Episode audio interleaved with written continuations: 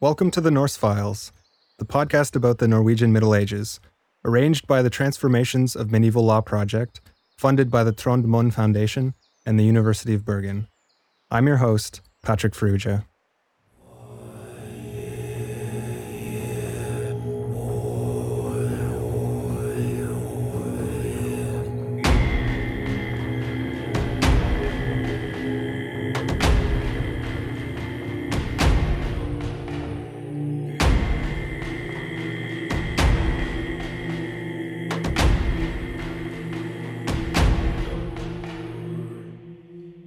Our story begins in 1163, when Magnus Erlingsson becomes the first Norwegian king to be anointed by the church as the rightful ruler of the country. By then, Norway had been in turmoil for more than 30 years, and the roots of the conflict were entrenched in the politics of power. Secular and ecclesiastical aristocracies competed to get their candidates elected to the throne, abusing a loose criterion of succession that allowed any son of a king to have a right to the crown. To understand why the anointment of Magnus Erlingsson was a momentous change in Norwegian political history, we need first to explain how kings came to rule during the commonly referred to Civil War period, and why the election of King Magnus turned the game on its head. According to saga evidence, the country was unified in the 9th century under the heel of King Harald Fairhair, and at least from the middle part of the 11th century, had a relatively peaceful succession of both legitimate and illegitimate heirs of Harald's line that shared the throne. The rules of succession, though, added an element of instability to the power of kings. Norwegian kingship lacked a principle of male primogeniture, the same one we normally associate with kings and queens in other parts of Europe. This principle would secure the eldest male heir of the ruling king the statuses of heir apparent and sole pretender to the crown. On the contrary, any heir to a Norwegian king whether he was born in or out of wedlock, had a right to rule. When a new pretender to the crown appeared, the ruling king, or kings, faced two options either to fight or to share the crown with the newcomer. Co rulership was then not unusual, and especially after 1130, weaker kings were swept aside to accommodate the interest of internal and external forces. In 1130, King Sigurd Magnusson, commonly known as the Crusader, for his travel to the Holy Land between 1107 and 1111, died. He had been the sole ruler of Norway since 1123, when both his illegitimate brothers died, and his own illegitimate son, Magnus Sigurdsson, was accepted as his successor. The succession, unfortunately for him, was far from straightforward, as during the last years of his reign, an illegitimate son of King Magnus Barefoot, Sigurd's father, came from Ireland to claim the throne with the support of a part of the aristocracy. Harald Gille, which was the name of the new royal pretender, suspended his claim to the throne while Sigurd and Magnus lived, in exchange for recognition. In 1130, after Sigurd died, Harald failed to keep his word, and after pushing the unpopular and weak Magnus aside, he became co ruler. A tense peace between both kings lasted until 1134 when Harald openly moved against his nephew. Magnus was captured one year later and was subjected to terrible punishment, which included castration, blinding, and imprisonment in a monastery. He was henceforth known as Magnus the Blind, and against all odds, he's not yet out of our story. Harald Gille's control over the country was, despite his popularity and support, short lived. In 1136, the Icelander Sigurd Slembe, allegedly the third son born out of wedlock of the womanizing Magnus Barefoot, mobilized Magnus' base of supporters, allied himself with the Blind King, and managed to kill Harald in Bergen. He became king and ruled with Magnus the Blind until 1139, when they finally ran out of luck and were defeated by Harald's supporters. Contrary to previous experiences, where ad hoc parties rallied around individual kings, Harald's supporters remained organized and elected the infant sons of King Harald, Sigurd Munn and Inge Crouchback, as kings. A third son of Harald Gille, named Eystein, appeared in 1142 to share the throne with his two half brothers. The relationship between the brothers deteriorated after they reached their age of majority, and parties with a vested interest fueled their disagreements in order to advance their positions. The peace between the three kings finally collapsed in 1155. Sigurd arrived early to a meeting with his two brothers in Bergen, and a conflict started between his men and Inge's. According to saga evidence, King Inge, who had an accident at a young age and was known as the Crouchback, surrendered to the poor advice of his main ally, the aristocrat Gregorius Dagson, who advised retaliation against Sigurd and spread rumors about the plans to depose Inge due to him being unfit to rule. Inge moved first against his brother and killed him before Eystein reached the city. Eystein proved to be motivated more by strategic thinking than brotherly love, and agreed to a truce with Inge. This peace lasted until 1157, when Eystein was killed, and Inge became the sole ruler for the following four years. Despite having only one king for the first time in 27 years, civil strife was far from over. The supporters of Sigurd and Eystein organized to resist against Inge and elected a new king, Håkon the Broad Shouldered, illegitimate son of Sigurd Munn, who ascended to the throne after killing Inge in 1161. In 1161, the civil war in Norway took another turn when Inge's supporters did not accept Håkon the Broad Shouldered as king. Instead, they elected Magnus as king. He was the son of one of the most powerful landed men in Norway, Erling Skakke, and the maternal grandson of King Sigurd the Crusader. One year later, Håkon was defeated, and Magnus Erlingsson became the first king not to be the son of a previous king. But Magnus, a five year old boy by then, had little to do with his election. His father, Erling Skakke, became the leader of the faction of the aristocracy supporting King Inge after the death of their former leader, the landed man Gregorius Dagson. After the Battle of Ekeberg in 1161, where King Inge fell, Erling obtained the recognition of his son as candidate for the throne in Bergen, and later went to Denmark to visit King Valdemar I in order to muster support for his cause. Danish kings were traditionally interested in the southern part of Norway, especially the area of Viken near Oslo, which they had controlled during different periods in the past. So the promise of gaining influence over the next king of Norway, in exchange for supporting one of the warring factions, was a tempting offer to King Valdemar. Erling struck a deal with the Danish king and returned to Norway, where he managed to defeat King Håkon Broadshouldered in the Battle of Sekken in 1162. King Håkon and many of his supporters died in the battle, although Sigurd of Rør, Håkon's Jarl and leader of the remaining supporters of the fallen king, managed to escape. After the battle, Erling and his son Magnus went to the assembly in Trøndelag to obtain the recognition of the young pretender as king, following the traditional ceremony of acclamation in the Øreting. Despite having the acclamation from the assembly, the aid of the Danish king, and the support of part of the aristocracy, the conflicts surrounding the right of Magnus to the throne were far from over. Sigurd of Rør, the most important supporter of King Håkon Broadshouldered, who had escaped the Battle of Sekken and had found refuge in Uppland, discovered a half brother of King Håkon named Sigurd, around whom he formed a new army to regain the throne.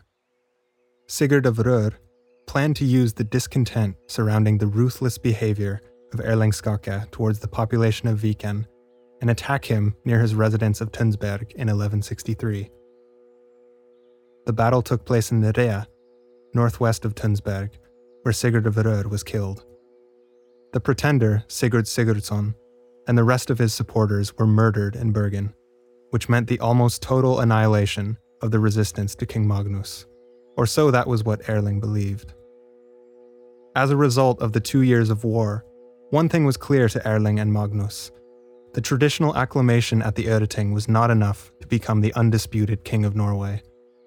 Father and son were not alone in this, though, and by 1163, Erling sought the support of the Church, the other factual power in the country, and the only one capable of transforming a right to rule, narrowly won on the battlefield, into a responsibility bestowed by God upon his vicar.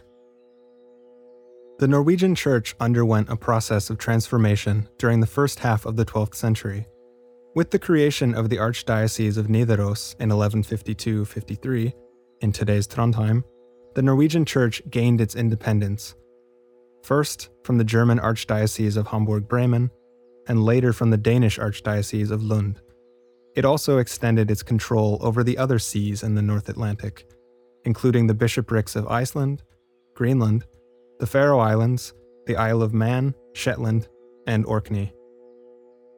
The creation of the new archdiocese was part of an international project of the Church to shorten the distance between the center and its peripheries of the Christian world, on the one hand, and to strengthen the independence and authority of the Church on national levels, on the other.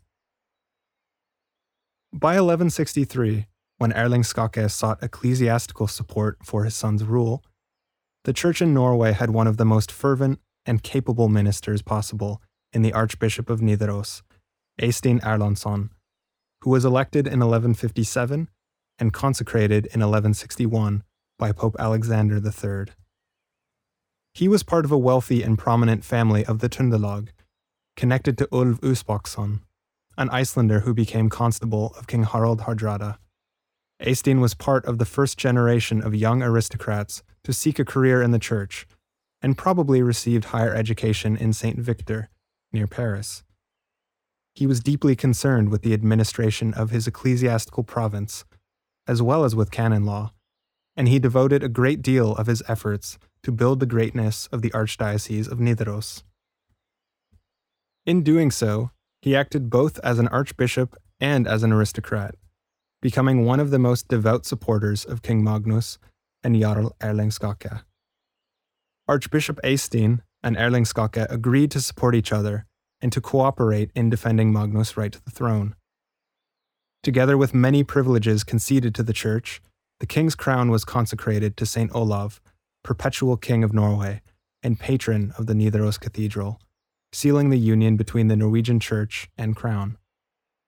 In exchange, Eystein crafted the most influential legal documents supporting monarchical rule the Law of Succession and the Coronation Oath of 1163, as well as Magnus Erlingsson's privilege to the Church of 1170. For more than a decade, Eystein, Erling, and King Magnus managed to rule a troubled country in relative peace and to overcome both internal and external threats to the throne. But in 1177, Sverre, a Faroese monk who had declared himself the son of King Sigurd Munn, landed in Norway, becoming the leader of a faction of ragged and scrawny war torn fighters, the Birkebeiner. According to the saga tradition he himself helped to establish, Sverre was born on the Faroes in 1151. He grew up in the household of the bishop in Kirkjubøur and was trained to be a priest and was later ordained.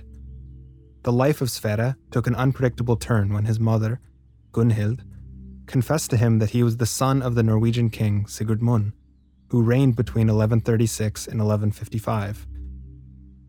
With the combination of both a claim to the throne and a temperament unfit for the priestly life, Sverre decided to sail to Norway in 1176 in search of alliances.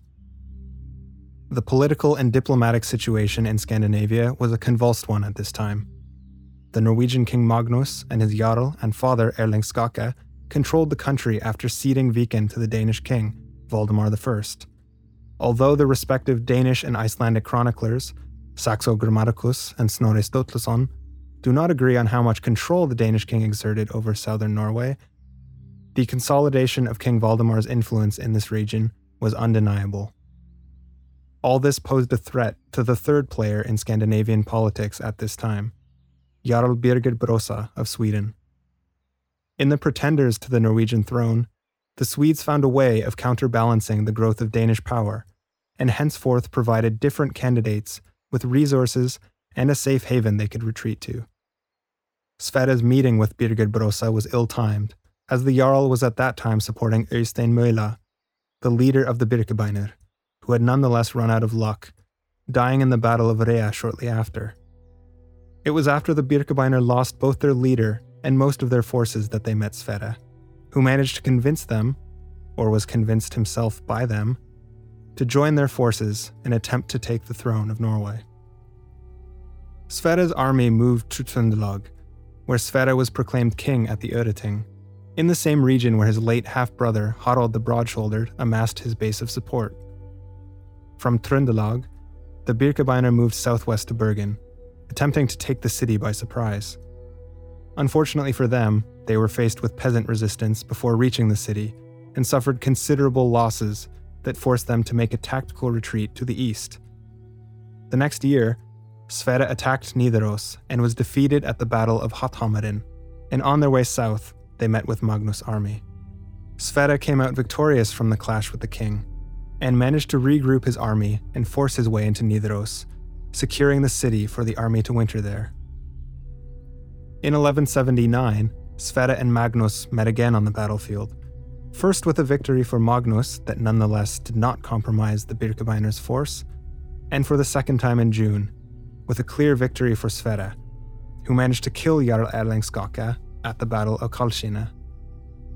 The result of this battle secured Trøndelag for Sverre. The next year, Magnus counterattacked with fresh troops from western Norway, but was again defeated in the Battle of Illevollene and was forced to flee to Denmark.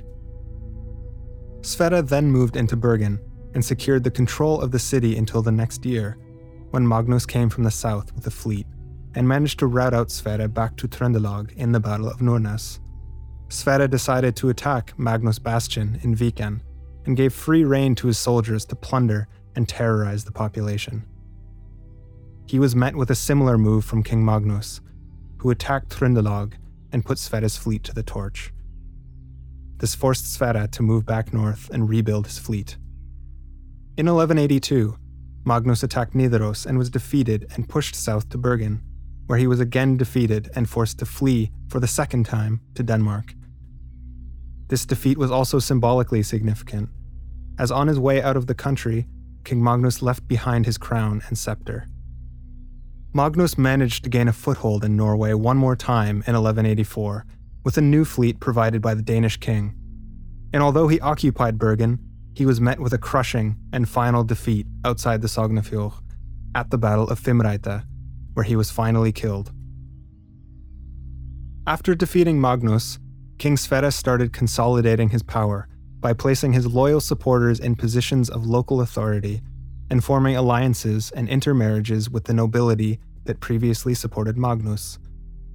King Sverre married Margaret Eiriksdottir, daughter of the Swedish King Eirik IX, solidifying the alliance against the Danes. Despite his efforts to close the wounds of the civil war, King Sverre did not enjoy the luck of the preceding factional kings those that had managed to rally friend and foe once they became sole rulers of the country. Resistance against Sverre was staunch, and several rebellious groups rose against the Birkebeiner king until his death in 1202. The first group to revolt against King Sverre were the Kuvlungs. This group formed around the figure of Jon Kuvlung, a putative son of King Inge Crouchback. The Kuvlungs rapidly gained control of Viken the region that most resisted the Birkebeiner, and moved west to Bergen. After successfully controlling both east and west, the Kuvlungs moved north to Trøndelag, suffering a defeat and retreating to Bergen, where they would be finally defeated by Sverre. While King Sverre was fighting the Kuvlungs, his longtime enemy, Archbishop Eystein's life was coming to an end. In 1188, before Easter, the Archbishop went to meet the king. After many years of fighting each other, that included the exile of Eystein in England from 1180 to 1183, both rivals were willing to cease hostilities. A truce had been established after Eystein's return to Norway in 1183, and according to Sverre's saga, the archbishop had repented for supporting King Magnus Erlingsson against Sverre. This reconciliation, despite its significance, proved to be insufficient to settle the conflict between crown and church. Eystein's successor to the archsee, Bishop Eirik of Stavanger, went to Rome to obtain his pallium and came back to Norway with aggressive rhetoric against the Birkebeiner's access to the throne. The roots of the conflict were intertwined with the control of the church's laws and the development of the church as an independent institution from the crown. After supporting King Magnus Erlingsson, Archbishop Eystein had advanced the cause of the church significantly. Archbishop Eirik, following his predecessor's steps, enforced the new privileges of the church and was met with King Sverre's opposition. The first clash took the form of a legal dispute, as the king accused the archbishop of having a larger retinue than he was legally allowed to have. Instead of conceding to the king, Eirik fled to Lund, and from there sent missives to the pope. Sverre made good use of the archbishop's absence and increased the pressure on the bishops that remained in Norway, especially on Nikolaus Árnason, bishop of Oslo. While the king was fighting Archbishop Eirik, a new faction appeared in the Western Isles. The new faction formed around a self proclaimed bastard son of Magnus Erlingsson, who was supported by the Earl of Orkney, Harald Maddadsson, and other important noblemen from Orkney and Shetland. In 1194, the rebel group the Øyskjeggene clashed with the Birkebeiner at the Battle of Florvåg after successfully controlling Viken, and were crushed by Sverre's army. Bishop Nikolaus was accused by the king of supporting the Øyskjeggene and was pressured to organize the coronation of Sverre, which eventually took place on June 29, 1194, without the presence of the archbishop. In the meantime, Archbishop Eirik received the reply from Pope Celestine III, supporting him against the king. Eirik excommunicated Sverre, who in turn sent his own emissary to appeal his sentence. Bishop Ture of Hamar went to Rome in Sverre's name, allegedly coming back with a full pardon for the king. Unfortunately for Sverre, Ture died on his way back to Norway, not without pawning the letter, which eventually found its way to Sverre giving rise to suspicions of it being a forgery. Pope Celestine III died in 1198, and his successor, named Innocent III, proved to be as rigorous as he was, issuing an interdict upon Norway and encouraging Norway's neighbors to depose King Sverre. True to his style as a politician and propagandist, Sverre sponsored a pamphlet commonly known as En tale mot a speech against the bishops that presented arguments against his excommunication and in favor of royal control over the church. Unfortunately for King Sverre, more pressing matters were drawing his attention, as a Danish supported faction, led by Bishop Nikolaus of Oslo, the nobleman Reidar Sandemann, and a bastard son of Erling Skakke, supported Inge Magnusson, allegedly the son of King Magnus Erlingsson, as their king. This new Bagler uprising managed to control Viken, but was soon routed out by the Birkebeiner forces. Despite winning in Viken, Sverre retired his army to Bergen, thus giving the Bagler the opportunity to advance inland towards Trøndelag. The city of Nidaros fell, and the fortress at Sverreborg was dismantled, seriously weakening the potential defenses in the event of the Birkebeiner regaining the city or having to defend it in the future. King Sverre failed to regain the city the following year and retired to Bergen. There he had to resist an attack from the Bagler, who burnt down most of the city, forcing Sverre's army north to Trøndelag once again.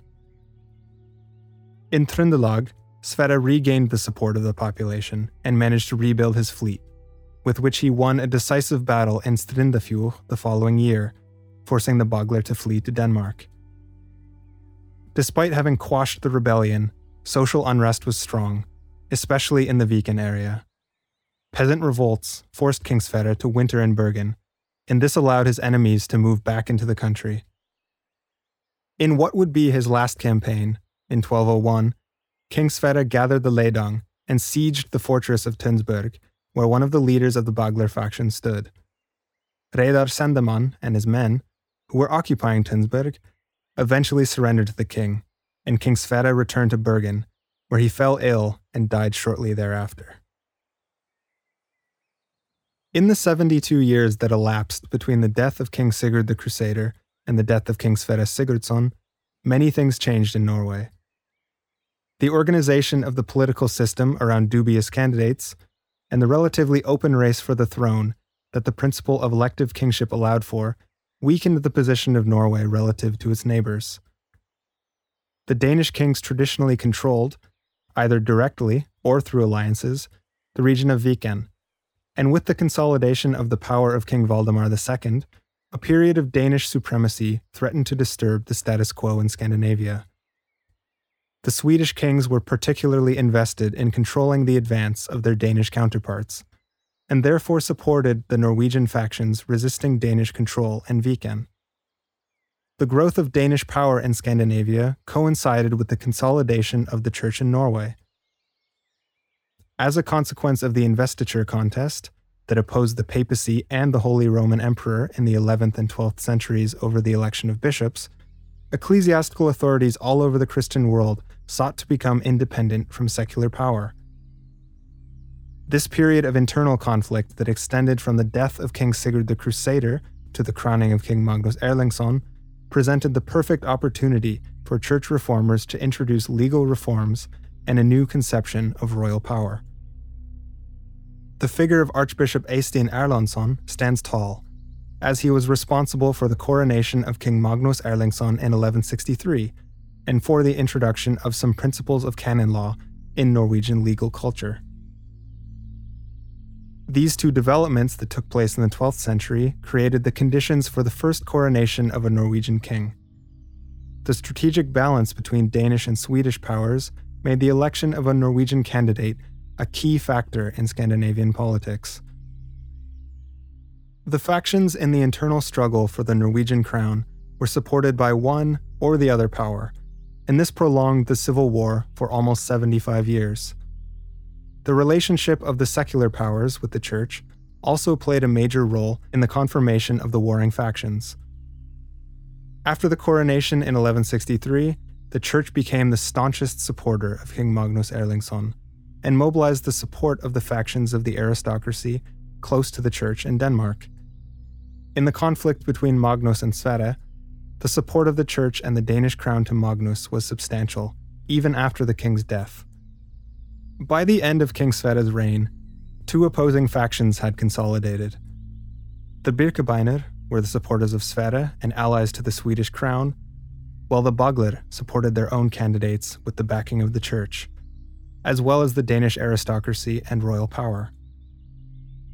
On his deathbed, King Sverre designated his son Håkon as his successor. Håkon had the challenging tasks of not only putting an end to the conflict between the Bagler and the Birkebeiner, but also of lifting the interdict of the church over Norway. But King Håkon Sverresson's reign only lasted two short years, and the responsibility of consolidating Sverre's legacy fell into the hands of other members of his family. Thanks for listening to this first episode of the Norse Files. We'll continue with Bergen's very own Game of Thrones looking at the resolution of the conflict between the Birkebeiner and Bagler, as well as the poisoned relationship between the young King Håkon Håkonsson and the Jarl and Regent Skule Bårdsson.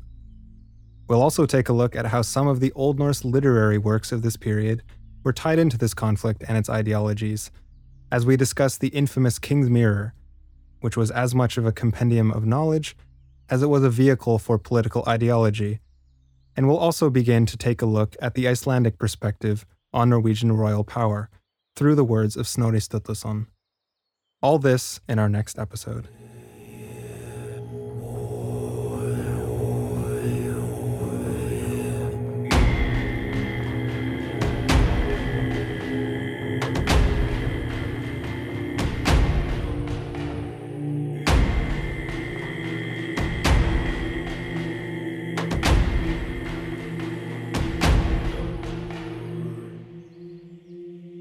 The Norse Files is written by Helen Leslie Jacobson, Ole Albert Rønning Nordby, and Julian Vage, coordinated by Vegard Søhus, produced and mixed by Anders Bibov Olsen at Pøsrein Studio, and narrated by me, Patrick Frugia.